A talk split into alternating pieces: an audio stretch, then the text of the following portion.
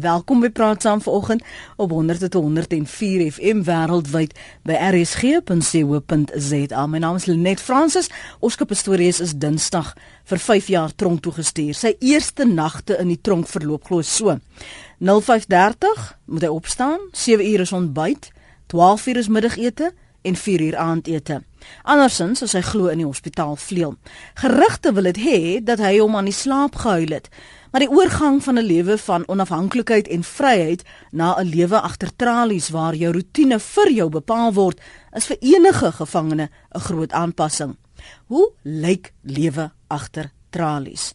Baie beweer dis 'n piknik, Sommige sê vakansieplek, 5-ster hotel is wat dikwels na daarna verwys word, maar praat jy van jou eie ervaring of is dit hoor sê?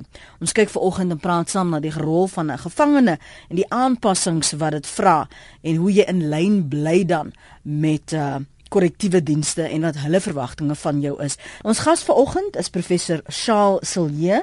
Hy is by die departement penologie by Unisa. Môre professor Silje.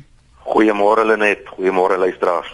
Baie van ons, vir diegene wat nog nooit te doen gehad het met die gereg nie of nog nooit werklik 'n tronk besoek het nie. Ons leef in onkunde. Geef vir my 'n idee van daardie eerste week in die tronk en veral sodra straf opgelê is, wat gebeur dan? Ons het net gesien byvoorbeeld hoe Oscar afgen, afgaan en in in die um, vangwa gelaai word en toe sy weg onder met die polisie. Maar wat gebeur in daai prosesse na die vonnis opgelê is? Ek doen dit baie graag net en baie dankie vir daai mooi inleiding van jou.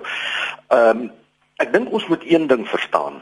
Die afgelope weet nou nie hoeveel weke dit was met met die saak en oor televisie, die beeldsending, het die hele perspektief van die gemeenskap verander rondom regspleging. Ewe skielik praat ons nou nie meer gaan BP môre wen of gaan Transvaal wen nie, dit is doelloos eventualis en slotbetoë en vonnisopsies. Alles alles alles het verander. Hmm.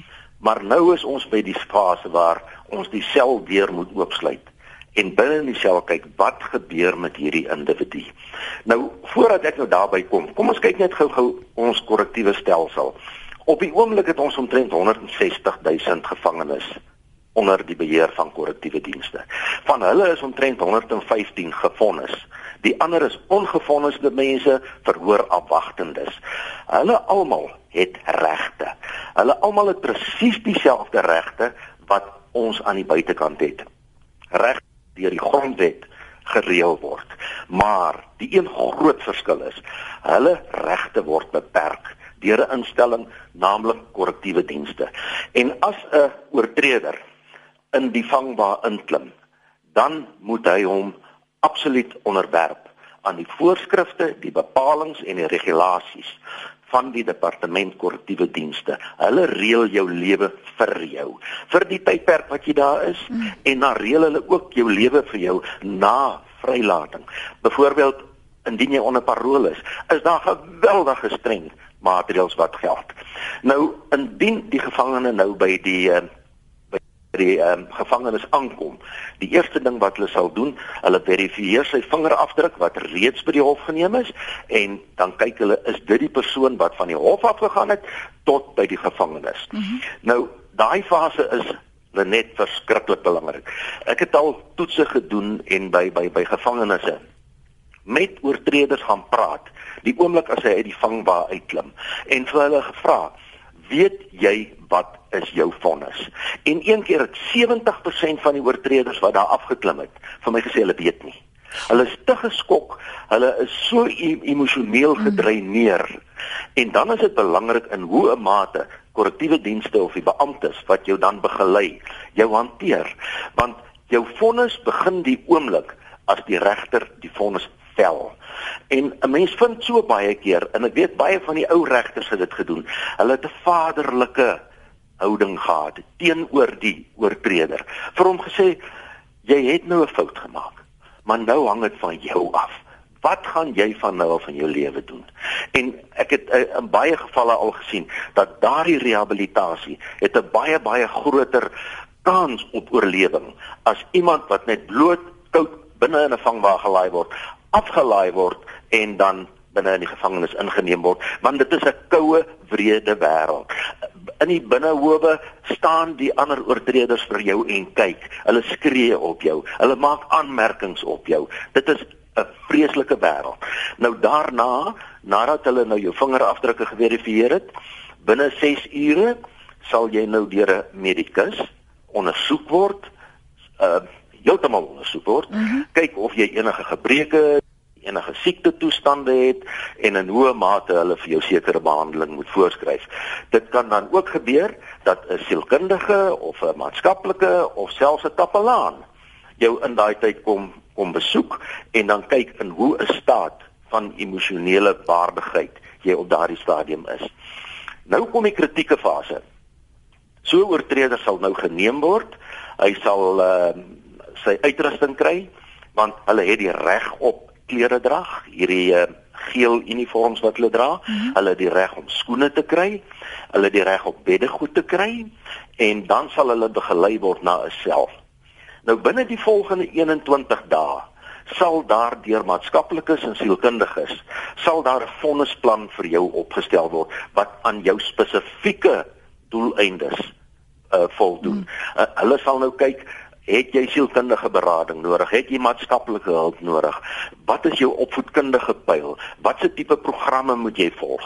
En daardie vonnisplan word bygehou van toelating tot vrylating. En dit is nogal belangrik. Ek sit op die nasionale paroolraad. Trouwens, ons het gister weer gesit. En indien jy dan oorweeg om 'n persoon vry te laat, kyk jy in hoe 'n mate is daar gehou by die fondsplan, watse projeksies is daar gemaak met die fondsplan en hoe 'n mate realiseer al die verwagtinge ten opsigte van daai fondsplan uh, mm. vir hierdie individu. En daarvolgens kan 'n mens aanpas, jy kan verander of jy kan nuwe dinge inbring. So uh, dit is 'n baie wetenskaplike proses. Ja. Dit is nie lukraak nie. Ja. En Lenet een ding wat ek sommer van die begin af moet sê, ek het nou al vorige programme ook met jou gehad. En dan is daar van die van die mense wat inbel. Slagoffers, mense wat aan die ander kant staan en wat uh, heerlike woorde gebruik soos die skuim, die barbare, die gemors, al daai tipe dinge. En weet jy wat my getref het? Ehm um, een pa het my daarna gebel eendag mm -hmm. en vir my gesê ek hoor wat die mense sê. Ek besoek my kind by die gevangenis. Ek sien hoe van die ander lyk. Maar ek is lief vir my kind. Mm. En dit is nie vir my lekker indien ek hoor hy is skuim, hy's gemors, mm. hy is 'n barbaar nie. Mm. Want ons moet een ding onthou. Hierdie persone is skuldig bevind, hulle is gefonnis. So hy ondergaan sy straf. Dit is hoekom hy in die gevangenis is. En ek dink ons as gemeenskap het 'n geweldige rol te speel in hierdie hele rehabilitasieproses van die oortreder, nie net van die oortreder nie, maar ook van die slagoffers. Want die slagoffers het dieselfde regte. Die slagoffers het ook empatie nodig. Die slagoffers het ook begeleiding nodig. En om dan so te praat, dink ek nie is werklik waar 'n uh, menswaardig nie. Nou maar ehm um, kom kom ons neem geoproepe um, dan van ons luisteraars wat aanhou en ek wil graag ook van die SMS'e lees en miskien net vir van die luisteraars sê Oscar Pistorius is nie die enigste persoon wat tronk toe al gestuur is nie. Daar's ander luisteraars wat familielede het wat vonnis uitdien wat soos uh, professor Silje nou sê vir hulle kinders lief is, hulle kinders besoek, hulle kinders probeer rehabiliteer. En ons moet 'n wyeer prentjie kry as net ons gevoelens oor wat die uitspraak was al dan nie. Kom ons kyk na Hoe lyk die lewe agter tralies? Baie beweer dit is maklik. Jy kry 'n selfoon, jy moet 'n paar mense omkoop en dan is dit gerieflik en dan hoef jy nie verder daaroor bekommerd te wees nie. Vir ander is dit 'n marteling, foltering, 'n hel. So dit is die perspektief wat ons vanoggend in balans wil bring om te verstaan voordat ons so maklik kan sê, maar dit gaan so of dit gaan sus in die tronk. 0891104553 en dis hoekom ek spesifiek vra dat as jy ervaring het, is dit eerstehands of 'n familielid via so Of is dit maar wat jy hoor mense sê op die radio wat jy lees? Waarop baseer jy daardie uitsprake van jou? Jou SMS'e is welkom by 3343. Dit kos jou R1.50 of jy kan ons bel. Jy kan my ook volg en tweet by Lenet Francis 1. Kom ons gaan gou na Vul toe, môre Vul. Vul, praat saam. Vul. Ja man, kom nou bietjie by. Ja, môre man. Ag maar ek weet mos hoe jy nou sê ek het nou wat op 28 jaar vir korrektiewe dienste gewerk mm -hmm. en ek het nou so 5 maande besluit hier dit dit raak vir my ook ondraaglik in in die korrektiewe dienste self. Want dit het raak gebeur weet ek het by ons hospitaal afdeling gewees mm -hmm. en weet hulle bou hospitaal sonder toilette of badgeriewe. Nou moet die gevangenes word toegesluit daarso. Nou ehm um, die nag het daar uh, uh, is daar nie toilette om na te gaan nie. Nou moet hulle 'n bewaker daar sit dat hulle die nag oopsluit wat nou 'n risiko is. En baie kere daar nou nie 'n lid wat ehm um, daar gaan werk nie as gevolg van die tekorte van aan, aan lede. En dan kom jy nie ook na daarso. Dan lê hy gevangene van 3 die oggend in sy eie diarree. Mm -hmm. En daar is gevangenes wat al medikasie moet ontvang byvoorbeeld kom hulle net sê meneer eh, meneer ek het vir 2 weke nie my uh, my epilepsie medikasie ontvang nie. Dit is uh, mense wat op medikasie is, maar hulle kry dit nie. Mm. Ehm um, hulle gaan hospitale toe, né? Dan kom hulle terug. Dan lê hy pille partykeer vir 'n maand daarso. Wat hy gevang is, hy pille kry nie. Dan gaan hy jou weer uh hospitaal toe, dat hy vorige medikasie nog eers gebruik het. Ja. Sê vir my en, die aspek wat jy praat van dit het ondraaglik geraak. Wat bedoel jy met dit? Ja. Dit het my so geword hè, want ek het ek ek het ek het ek, ek het my uh, uh, uh, sien in die lewe is ons is aangestel vir die gevangenes.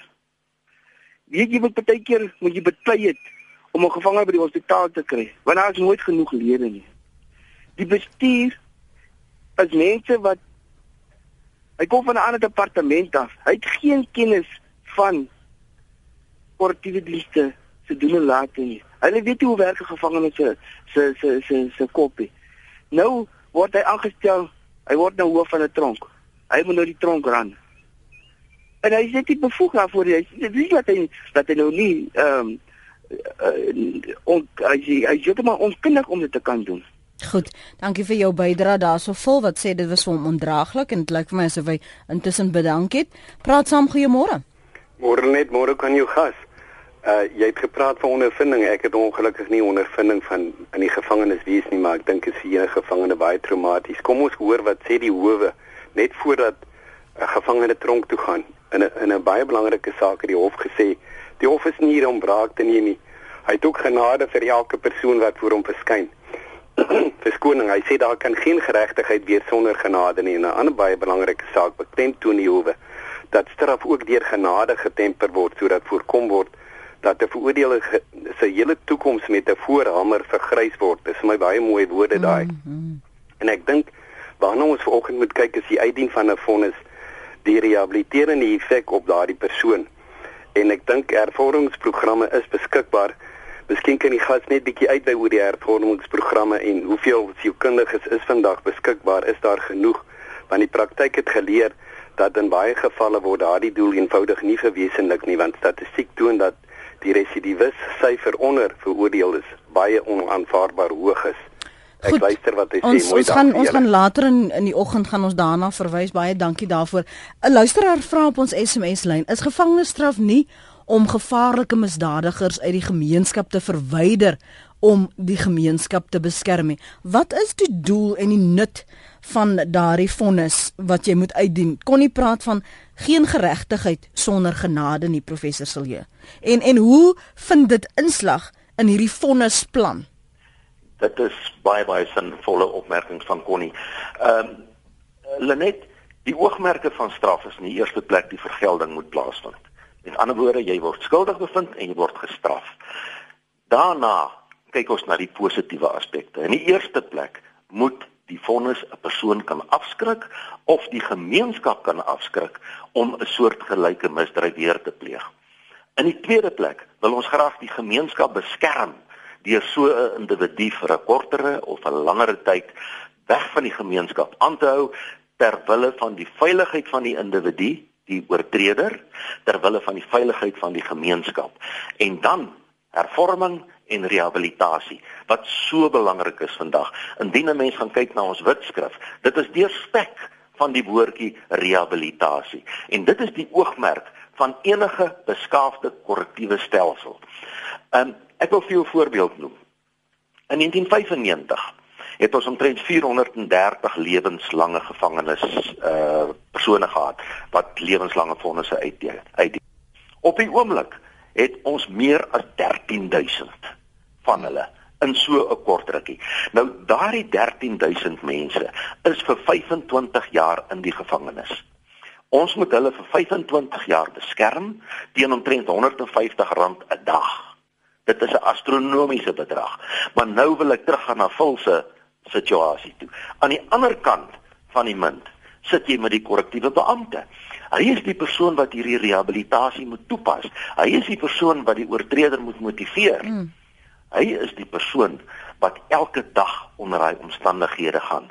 En ons het nou al baie baie studies oor die die persoon van die van die korrektiewe beampte gedoen.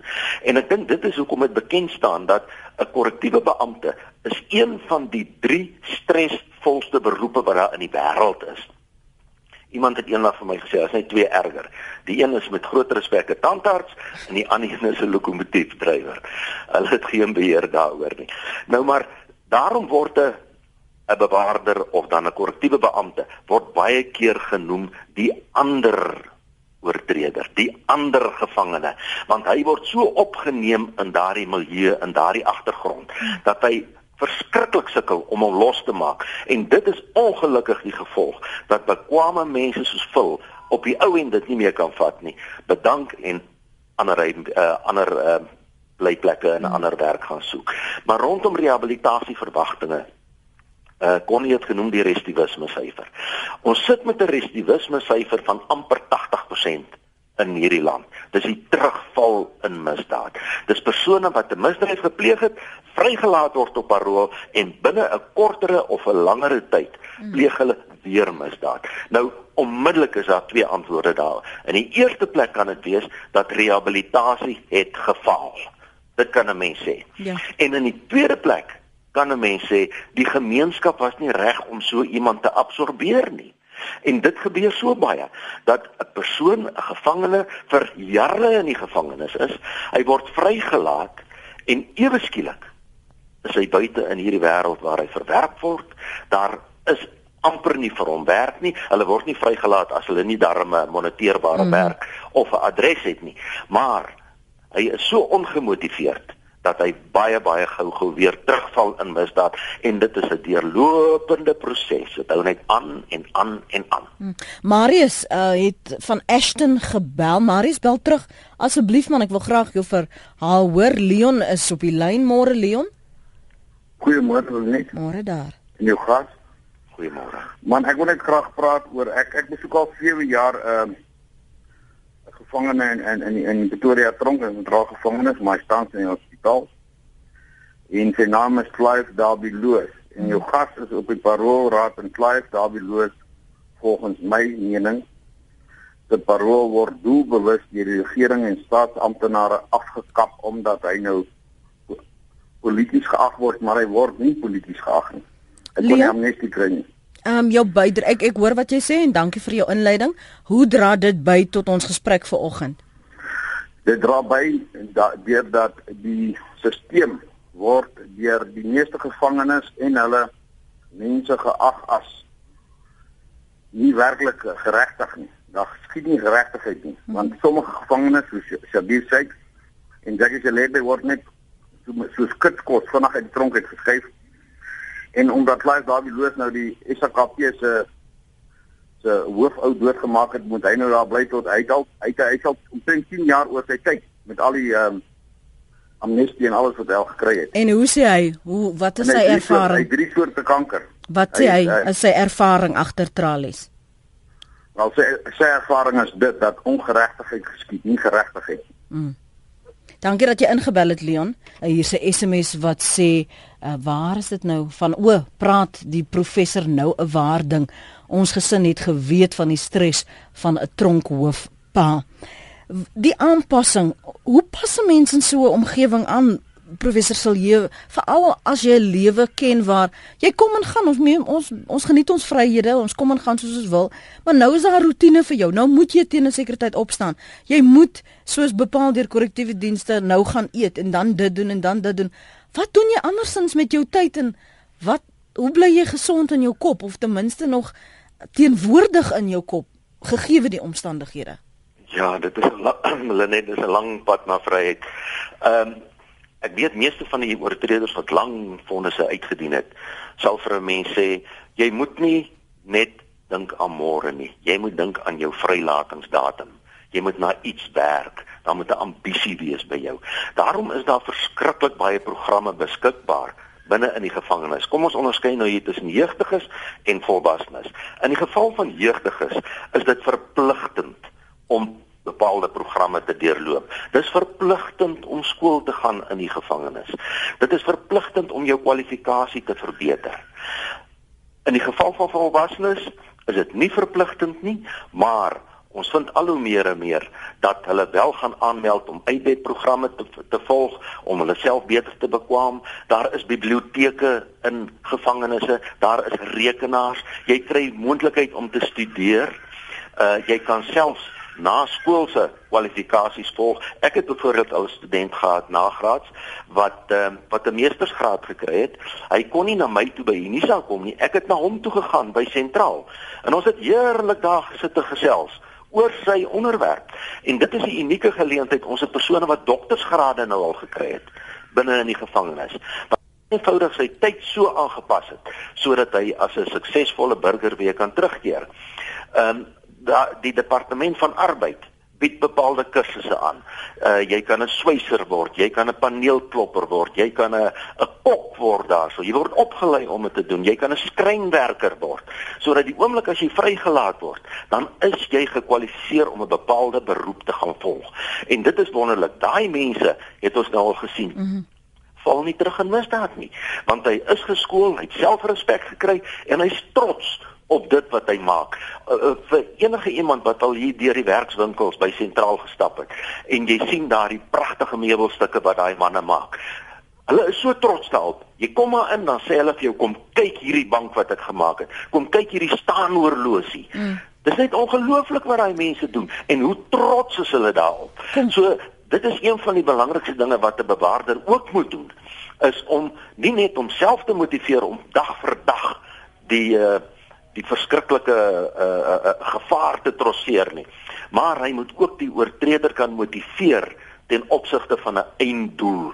Daar daarom is daar maatskaplike dienste, daar sielkundige dienste. Iemand het net nog gevra rondom die sielkundiges, is daar genoeg? Daar sal nooit genoeg wees nie, maar net Lenet, ek dink daar is op die oomblik maar 46 van hulle in die land wat hierdie 100 om en by 100 uh, eh, meer as 100 000 gevangenes moet hanteer, met hulle moet praat. En dan sit ons nou met hierdie lewensvonnisse, hierdie 13 000. Hmm. Elke een van hulle moet 'n omvattende sielkundige verslag hê wat voor die paroolraad dien. En dit is ongelukkig nou die proses wat gebeur. Die sielkundiges werk so hard om hierdie verslag voor te berei dat hulle amper nie by hulle dagtake kom om by die gewone ouetjie uit te kom met sy sielkundige probleme nie. Rudolf praat saam môre. Môre ek is Rudolf Botha. Ek uh, het in Potchefstroom gevangenis lank ook onder die langtermyn gevangenes gewerk wat ek vir hulle Christelike kursusse van Walk Through the Bible aangebied het mm. en wat ek wonderlike respons en verandering in die mense gesien het. En dit was my wonderlik geweest en dan gee sommer so 'n ou papiertjie amper wil ek sê moet 'n moet 'n stamp van my nou maar op en sê hy het hierdie kursus voltooi. Mm -hmm. En dan is dit vir hy mense ook omtrent soos uh, jy kry 'n graad amper en jy kyk hierdie papier van my wat ek nou het want ek het hierdie kursus voltooi. Maar ja, dan praat hulle ook met jou oor wat die party mense gesê het van die vrese, waar gaan ek bly? Wie gaan ek na wie toe gaan ek as ek hier uitgaan? En waar gaan ek werk kry en wat gaan ek doen? Dit was vir hulle ook, maar ja, dit was wonderlik om te sien dat baie mense so nader na die Here toe kom mm -hmm. en maar ook in dieselfde tyd bly is omdat jy iets vir hulle gaan doen het en vir hulle gehelp het. Ek het weekliks sit 'n kursus in Potchefstroom te 'n uh, uh, gevangenis aangebied toe ek nog 'n sendling was. Ek 'n boer nou weer en ek het gaan nou weer moet aan 'n werk gaan. Daar daar's 'n ding wat ek gou met jou vir jou wil vra oor. Ek kry al hierdie SMS'e van luisteraars en dis nogal skokkend uh, wat mense kwyt raak soms in omdat hulle dink hulle is anoniem. Um vir my was nog altyd belangrik en, en ek dink vir jou wat so uitreik in in die bedryf werk. Medemenslikheid. Ek ek verstaan dat mense voel die persoon het 'n oortreding begaan. Ek verstaan dat mense voel, maar jy moenie regte hê nie want ehm um, dit dit word moet jy ontneem word van jy die wet oortree. Ehm um, Pieter van Rensburg het juist dit gesê, as jy die wet oortree, verloor jy jou regte. Ehm um, ander wat praat soos uh, professor Silje gepraat het van van skuim en hulle is dit en hulle is dat. Maar wat is dit nou jou pad is wat jy moet loop? Hoe verloor maak jy seker jy verloor jy jou jou jou medemenslikheid nie. Dat jy nie so afgestom raak deur jou omstandighede en jou haat en bitterheid vir 'n gevangene of 'n oortreder dat jy nie meer genade kan raak sien nie. Kom ek sê daar was mense wat na my toe gekom het wat moord gepleeg het. En as ek die kursus aangebied het, dan dan kom hulle na jou toe en sê, "Maar wat moet ek doen?" En dan sê ek vir hulle, "Wie jy dis is die kruis. Daar's 'n lang been en daar's 'n kort been." As jy nie vrede het met die Here nie, dis die langbeen, dan sal jy nie vrede hê met die mense nie, dis die kortbeen. En so moet 'n mens dan net gaan en gaan sê, Here, ek is jammer, vergewe vir my wat ek gedoen het. Maar dan het jy vergifnis gevra, maar die Bybel sê ook jy mag nie doodslaan nie. So, dan moet jy in die tronk bly sit nog, want die wennerwet van die Here sê jy mag nie doodslaan nie en dan het jy daardie wet oortree en dan sit jy in die tronk. Dan dan dien jy jou straf vir jou ek sal maar sê ek kan nou nie sê sonde uit nie maar ek weet nie hoe om dit mooi te mm, stel nie maar ja dit is my gaan oor vergifnis en hoekom as jy vergifnis gevra het, moet jy nog in die tronk sit. Mm -hmm. Jy moet in die tronk sit omdat jy nog 'n wet oortree het van die Here al het jy al het jy vergifnis gevra. Goed Rudolf, dankie vir jou bydrae daarso. Dis 'n Rudolf se mening. Wat antwoord jy vir Pieter van Rensburg en ander wat sê professor Solje, as jy die wet oortree het, verloor jy jou regte. Citizen X tweet hierso dis duidelik dat ons vir gevangenes meer bied. Hoe dink ons gaan misdaad stop as ek 'n graad in die tronk kan kry? Vra hy. Ja, dis 'n bietjie 'n onbillike opmerking van hom. Dis mense wat hulle self bekwam. Maar um, ek wil terugkom by Rudolf se se hele argument. Um, een van die boustene vandag binne in enige korrektiewe bestel is die sogenaamde uh restorative justice, regstellende geregtigheid waar die in die eerste plek die oortreder met homself moet vrede maak. Hy moet tot 'n besef kom dat hy verkeerd was, hy moet tot 'n besef kom dat hy skade gedoen het en hy moet tot 'n besef kom dat hy kan regmaak dit wat hy verkeerd gedoen het. Ehm um, hy, hy hy moet maak dit wat verkeerd is deur middel van restorative justice. En dan is die die laaste fase daarna toe is dat die oortreder by sy slagoffer moet uitkom. Lenet dit is dis 'n groot proses wat op die oomblik aan die gang is. Uh dit is een van die belangrikste aspekte by parooloorweging ook. In hoe mate is daar kondisionering tussen die slagoffer en dan ook die oortreder. Ons het al gevalle gehad van persone wat lewenslange fondse uitdien en dan sal die uh slagoffers vir die kinders wat slagoffers is, wie se pa ma vermoor is, sal briewe skryf en dan sal hulle sê daai persoon moet nooit vrygelaat word nie. Hmm. En dan doen 'n mens weer 'n keer 'n navraag na 20 jaar, na 22 jaar, hoe voel jy nou? En dan sal so 'n slagoffer vir jou sê ek dink hy het sy prys betaal, hy het sy straf uitgedien, ek is gelukkig daarmee hy kan vrygelaat word.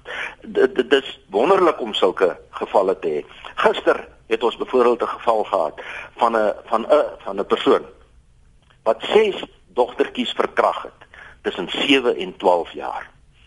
Nou, die oomblik as 'n mens dit sien, dan dit het by my opgekom. So 'n persoon moet wat my betref nooit vrygelaat word nie want hy hy hy's 'n gevaar vir die samelewing. Hmm. Absoluut. Maar nou kyk jy na die maas van daardie dogtertjies. Daai dogtertjies is 7 jaar oud, 10 jaar oud, 12 jaar oud uh, gewees toe dit gebeur het. En dan die sielkundige effek, die sielkundige pyn waardeur daai mense gaan, is so moeilik om vir hulle dan te sê sal jy of is jy bereid om met hierdie oortreder te praat sodat ons vir hom weer 'n geleentheid kan gee in die lewe. Hmm. Dis moeilik. Daai balans is baie baie moeilik. En daarom is ek so verskriklik opgewonde oor die werk wat mense soos Rudolf hulle doen.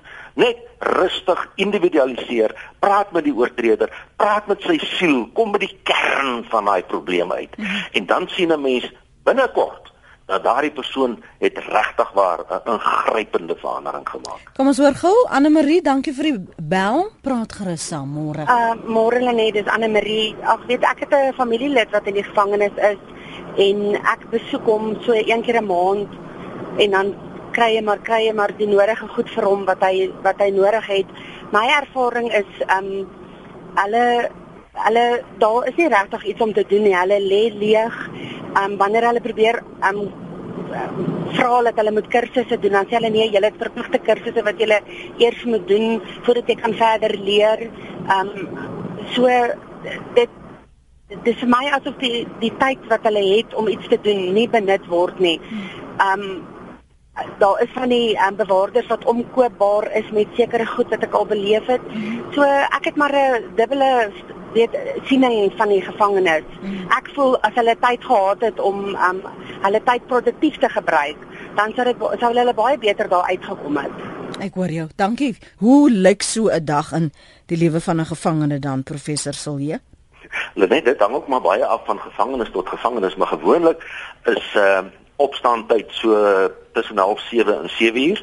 Elke uh, oortreder is veronderstel om sy eie sel aan die kant te hou. Hy moet hom skoonmaak.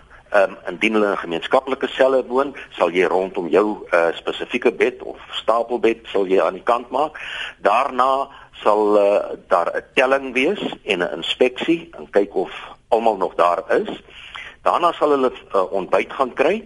So ontbyt is gewoonlik ehm uh, pap en uh en brood en uh en koffie. Daarna sal hulle beweeg na hulle hulle verskillende seksies toe waar hulle dan die jeugdige sal nou skole toe gaan. Ehm um, die mense wat nou in in werkswinkels werk sal so intoe gaan en so begin hulle dagtaak. Dan so by 12 uur se kant, dan is dit deure ete en dit is gewoonlik soos hulle dit noem 'n katkop waar dit nou 'n stuk brood met konfyt is en dan gaan hulle deure keer terug na hulle seksies toe en dan uh, gaan doen hulle wat hulle gedoen het en dan hier by 4 uur se kant is die laaste ete hoogtepunt vir hulle dan kry hulle gewoonlik miskien wors of hoender of 'n stukkie vis en en en groente en koffie. En dan gaan hulle selle toe dan word hulle toegesluit tot môreoggend weer 'n keer. En dit is nou presies wat daai een dametjie gesê het. Dit is die dooie tyd. Dis hy nothing time. Gelukkig in baie baie van die van die gevangenisse is daar televisies waar hulle kan sit of as jy in 'n enkel sel is, word jou sel deur nie eens gesluit daai tyd van die van die aand nie. Jy kan studeer, jy kan skaak speel en dis wanneer baie opvoedkundige en kulturele programme gewoonlik gedoen word. Ek weet nie of die mense bewus is nie, daar is koorkompetisies. Daar is toneelkompetisies. Daar is in een van hierdie gevangenes in op die oomblik is daar 'n bokstoernooi waar daar 'n regte kruit is waar hulle mekaar maar lekker peper. Daar is sokker, daar is rugby uh, waar verskillende gevangenes teen mekaar deelneem. Daar is atletiek, daar's 'n nasionale atletiek byeenkoms vir oortreders waar hulle tyd het om te oefen om om dit dan te kan doen. En daar's 'n ongelooflike trots. Ek was een keer by gewees by 'n uh, so kulturele koorkompetisie in Potch. En uh dit was op so 'n hoë vlak dat daar was van die oortreders wat reeds hulle vrylaatingsdatums gekry het mm voor die kompetisie plaasgevind het en hulle het vertoog gerig. Hulle wil asseblief nie vrygelaat word nie, want hulle wil eers deelneem aan die koorkompetisie. So daar is daar's baie positiewe goed wat gebeur, maar dit hang weer 'n keer af van die gevangenes, die inisiatief wat hulle neem om sulke dinge bloot te stel en dan ook van die uh, van die oortreder self. Wil ek deelneem daaraan? Soos ehm um, Uh, Rudolf het nou gesê daai sertifikaatjie. Ons kry by die paroolrade elke klein sertifikaatjie wat daai ou bereik het en hulle is ongelooflik trots daarop. Dis nie sommer net 'n afmaak of is 'n bywoningssertifikaat nie. Nee, hy het dit verdien hmm. en dit is sy trots. Kom ek lees van die SMS'e. Ek dink dit hang af van die mens homself of hy vorentoe gaan en homself verbeter terwyl hy binne is. Uh, ongelukkig kom party mense maklik onder die invloed van verkeerde tipes skryf 'n luisteraar. 'n Ander een sê 'n familielid was vir die besit van dwelms vir 5 maande verhoor afwagtend by Pretoria Sentraal, maar dan geen voorregte van opleiding of pastorale sorg nie geleenthede om nog dwelms te kan gebruik. Ek vermoed dat hy ook verkrag was, skryf 'n ander. Louis sê, aan al die wraakgieriges net die vraag, watter waarborg het jy dat 'n geliefde van jou nie ook in die tronk sal beland nie? Hoe sal jy dan wil hê die wêreld moet teenoor hom of haar optree? Onthou, ons het almal groen koring op die land, skryf Louis. Ander luisteraar, 4uur die oggend word ligte aangeskakel, dan kry jy kans om klaar te maak tot 6uur. Dan kom doen hulle inspeksie en kyk of alles netjies is, daarna gaan jy eetsaal toe. 8uur begin jy werk as jy 'n werk het, 12uur is ete, breinbrood tussen hakies, eet vir 'n uur, terug werk toe tot so 2 uur. Dan kan jy vir so 'n uur buite sit, 3 uur is aandete en 05:30 word jy toegesluit. 10uur word die ligte afgeskakel tot 4 uur môre oggend. En dis net uh, van die insigte wat die luisteraars op ons SMS lyn deel by 3343. Wanneer is jy geregtig op 'n enkel sel? Wel, dit hang af van die individu se gradering. Dit hang af van jou uh, persoonlike vordering wat jy gemaak het, dan word jy bevorder na 'n ander uh sekuriteitsklassifikasie en dan indien jou gedrag sodanig was dat jy nie meer 'n gevaar vir die um, vir die gemeenskap uh, inhou nie of vir medegevangenes of vir jouself nie, dan sal jy die voorreg hê om wel na 'n enkel sel toe te gaan. Dit gebeur in baie gevalle met persone wat lang vonnisse uitdien dat hulle daardie geleentheid het uh om dan alleen in 'n sel te wees. Linda te vinnige vraagie, Linda. Hallo? Ja, praat asseblief saam. Goeiemôre. Ek wil net sê, ehm, um, dis nou alles goed en wel dat hierdie gevangenes tyd kry die toerusting om te studeer in die gevangenis. Um maar wat se beheer is daar dat dit nie gebruik word nie. In Leeukop gevangenis sit daar 'n ou in die mediese saal. Hy het hierdie toerusting gebruik. Hy het kamsig vir 'n doktorsgraad gestudeer. Mm -hmm. Hy het daai dokumente van sy doktorsgraad en sy parooldokumente in die tronk sit en vervals op die rekenaar. Ekskuus? Op hierdie rekenaar op die rekenaar en die printers en die selfone en goed wat hy toegang het in Leeukop gevangenis. Het hy gesit en al hierdie dokumente vervals en hy het amper op parol uitgekom toe dit aangegee is. Ek weet nie of hy nou nog daar sit nie, maar hy het kamstig in Kanada doktorsgraad verwerf. Mhm. Mm en op navraag aan daai universiteit het nooit van daai persoon gehoor nie. Dankie vir die saamgesels. Jy hoor dikwels hierdie soort ehm um, voorvalle gebeur. Ons lees daarvan in koerante. Hoekom het julle oor al hierdie jare nog nie byvoorbeeld 'n lyn, 'n noodlyn of 'n tolvrye nommer wat mense wat bewus is van hierdie soort insidente dat hulle maar kan laat weet en anoniem bly en vir julle waarsku nie. Ek weet 'n mens moet ook bedag wees dat daar sekere mense is wat verkeerd en foutiewe inligting sal deel omdat hulle dalk ander uh, motiewe het, maar dis ten minste 'n beginpunt om ondersoek in te stel sodat die mense wat verdienstelik parol moet kry dit tog kry en die wat kansvatters is maar dan nog agter tralies bly professor Silje. Lenet daar is so 'n meganisme deur die uh, kantoor van die uh, inspecting judge die inspekteerende regter. So indien enige persoon enige klagte het, enige vermoede het dat iets onreëlmatig gebeur, staan daai kantoor van die inspekteerende regter oop vir so 'n persoon. Hulle sal dan hulle span instuur en hulle sal dan ondersoek instel en dan die nodige besluite neem om dit reg te stel. So ook het elke gevangene het toegang tot die uh inspecting judge se kantoor om klagtes te opper, uh, versoeke, al daai tipe dinge. Want 'n mens moet een ding onthou. Hierdie persone soos daai ander dametjie ook net nou gesê het, het 24 uur per dag het hulle tyd of om een of ander plan te maak, soos hulle altyd sê met een of ander skema te kom. En jy as bewaarder, jy as owerheid, moet altyd een trappie voor wees om dit dan in die kiem te smoor. En en dit dit is nie altyd so maklik nie, want daar is bendebedrywighede, partykeer sal bendes jou nie toelaat om dit te doen nie. Ander keer is daar persone wat wat deur ongelooflike emosionele stres gaan wat net eenvoudig dit nie sal doen nie. Al wat hy wil hê is miskien 'n ou pilletjie en 'n ou ou rugkrappie en sê jy's alright. Jy sal dit maak. So dit is dis 'n harde wêreld. Hmm. Professor Siljon, ons tyd het ons ingehaal. Ek kan nou nie langer met jou gesels nie, maar baie dankie vir jou beskikbare tyd vanoggend hier op Praat Saam. Waardeer. Dit was 'n voorreg. Baie dankie. Dit was professor Charles Silje.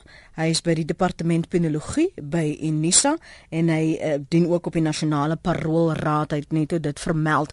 Anoniem van vereniging sê ek was 29 jaar lank bewaarder, het bedank weens die druk van dat dit op jou lewe elke dag in gevaar is. Gevangenes bly terugkeer na die gevangenis uh het in my jare diens baie sulke gevalle gesien. Programme werk nie. In baie gevalle word verslae aan paroolraad afgejaag, skryf anoniem van vereniging. Uh Kosie sê Lenet Die tronk ding is nie maklik nie. Ek moes onlangs 'n tronk besoek vir inspeksies. Ek was nog altyd 'n groot voorstander van straf vir oortreding. Dis nie 'n vakansieplaas nie. Groot was my skok toe daar die mooiste klein dogtertjie saam met haar ma in die gevangenis sit. Waar gaan sy in die lewe opeindig? Meer vrae as antwoorde.